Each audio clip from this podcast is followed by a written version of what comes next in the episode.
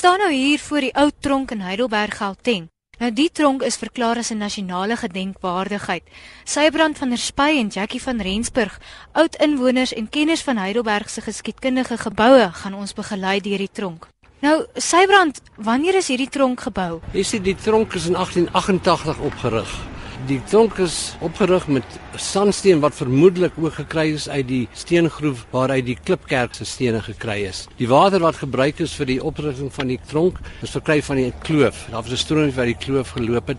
Dit loop nog steeds. En die stroompie is gebruik of water is daarvan gebruik om die te help in die oprigting van die tronk. Dis nogal 'n mooi gebou en stewig. Ja, hy's baie stewig gebou. Jy weet, dis meer as 100 jaar, 120 jaar wat hy staan. Dit is nie verwaarloos nie, maar uit die aard van die saak deur die jare heen kan 'n mens sien dat die jare het getel op die gebou, maar as nie vir die mos was nie, dan sou die ding nog meer vervalle geword het. Ons gaan 'n bietjie in en kan kyk. So Jackie, jy sê hierdie was die man sel gewees waar ons nou instap. Die voorste gedeelte van die tronk wat ons nou inkom is die hoofingang van die mans. Die eerste selle wat ons nou nou hier by is, is waar die proseniers in aanhouding was voor hulle hulle, hulle vonnisse uitgedien het. Dit is die paar selle wat nou hier voor ons is, onder andere die linker sel aan ons linkerhand. Dit was die siekeboek volgens alle rekords wat dit waar die siek prisoners behandel is. Kom ons bietjie gaan kyk hoe lyk dit daar. Kom ek kom maak oor.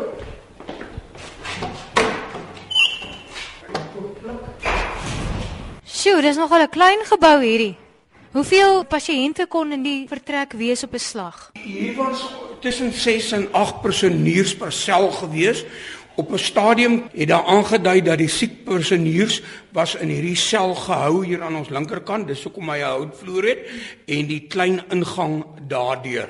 Hierdie sel wat ons nou in staan, is die uh, selle in aanhouding voor jy gefonnis was. Ons gaan net nou na die agterste gedeelte toe waar die gevangenes wat gefonnis is, hulle vonnis uitgedien het. Wat was die oortredinge van die gevangenes? Ja, dit was dit was nie te ernstige misdade nie, gewone diefstal, gewone aanranding. Dit was die meeste van die sake wat hier gedien het. En so Jackie sê, hierdie was die verhoor afwagtende gedeelte van die tronk. Dit is nogal koud hier binne. Ek kan dink dat die gevangenes ook daai dae was nie soos vandag is nie. Definitief nie. Nou, hoe het hierdie gevangenes geleef? As ons net nou buite gaan, kan ons kyk. Bedags het hulle in die lieflike tuine gewerk wat hulle moes kos produseer en so aan alles. En in die aand het hulle ingekom. Die mans en die dames was apart. Die mans gedeelte het hulle dan gaan bad en so aan en dan weer in dieselfde toegesluit tot die volgende dag wanneer hulle weer uitgelaat is vir werk. En die wat nie kon uitgaan nie, het in dieselfde gebly. Nou hierdie is 'n baie lang gang. Wat het nog hier gebeur? Um, hierdie was die voorste gedeelte van die tronk. Aan die regterkant uh, is blykbaar kantore gewees waar die uh, nagwag en so aan sy oog op die deur gehad het en die verhoor afwagtende selle was 1 2 3 hier voor. Ons bietjie gaan kyk na daai kantoor. Korrek. Ons kan gaan kyk na die kantoor. Ons het die kantoor omskep in 'n dames toilet. Ons kon ongelukkig nie die plek gebruik tensy daar spoeltoilette en elektrisiteit was nie. So ons het alles probeer so standaard moontlik hou en ooglopend so min as moontlik veranderings doen. Die oorspronklike tronk was op 'n emmerstelsel. O, ja, nee, ek kan dink dat jy nie meer hom wil gebruik nie. Watter rol het die ou tronk gespeel tydens die Boereoorlog?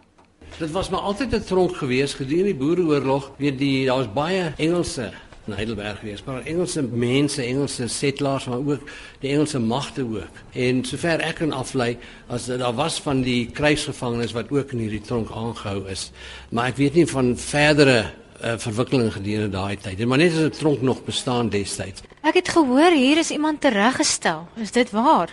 Ja, dit is waar. Veldkonel Salmon van As is hy agter die tronkmuur tereggestel op 'n insident wat plaasgevind het waar hy 'n kaptein Ronald Myers bo van sy perd af geskiet het.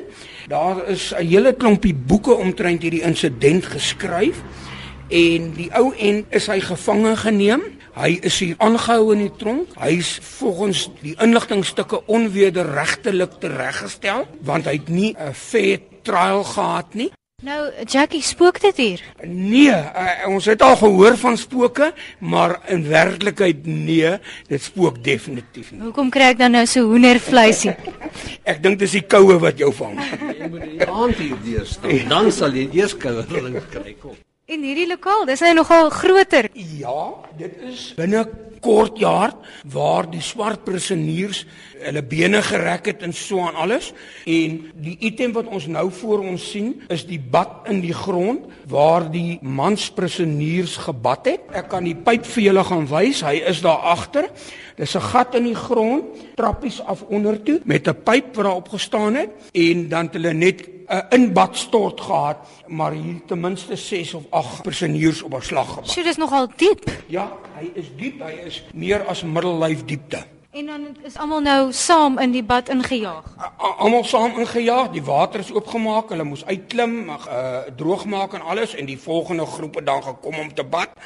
En dit is die oorspronklike bad en ek kan nie dink dat daar veel warm water was nie. Nou Jackie weet in hierdie sel gebly. Hierdie twee selle, uh, sal jy nie glo nie, is die hoë detensieselle. As jy baie stout was, is jy hierin toegesluit. In die weermag het ons dit genoem 'n uh, detention barracks. Wat ons nou hier sien, is die fisiese sel Sjoe, dis baie nou. baie nou. Jy was hierin toegesluit vir die vonnis wat jy uitgedien het. Dit kan enige iets van 7 tot 10 tot 14 dae was in isolasie, geen lig, jy is in 'n donker kamer toegesluit. En ons is nou aan die swart dameskant van die ou tronk. Hier is net twee selle. Hulle was totaal apart toegesluit van die mansgedeelte en hulle het totaal hulle eie ingang gehad. Ons gaan nou hier na buite toe, na hulle binne, na hulle kortjaar toe.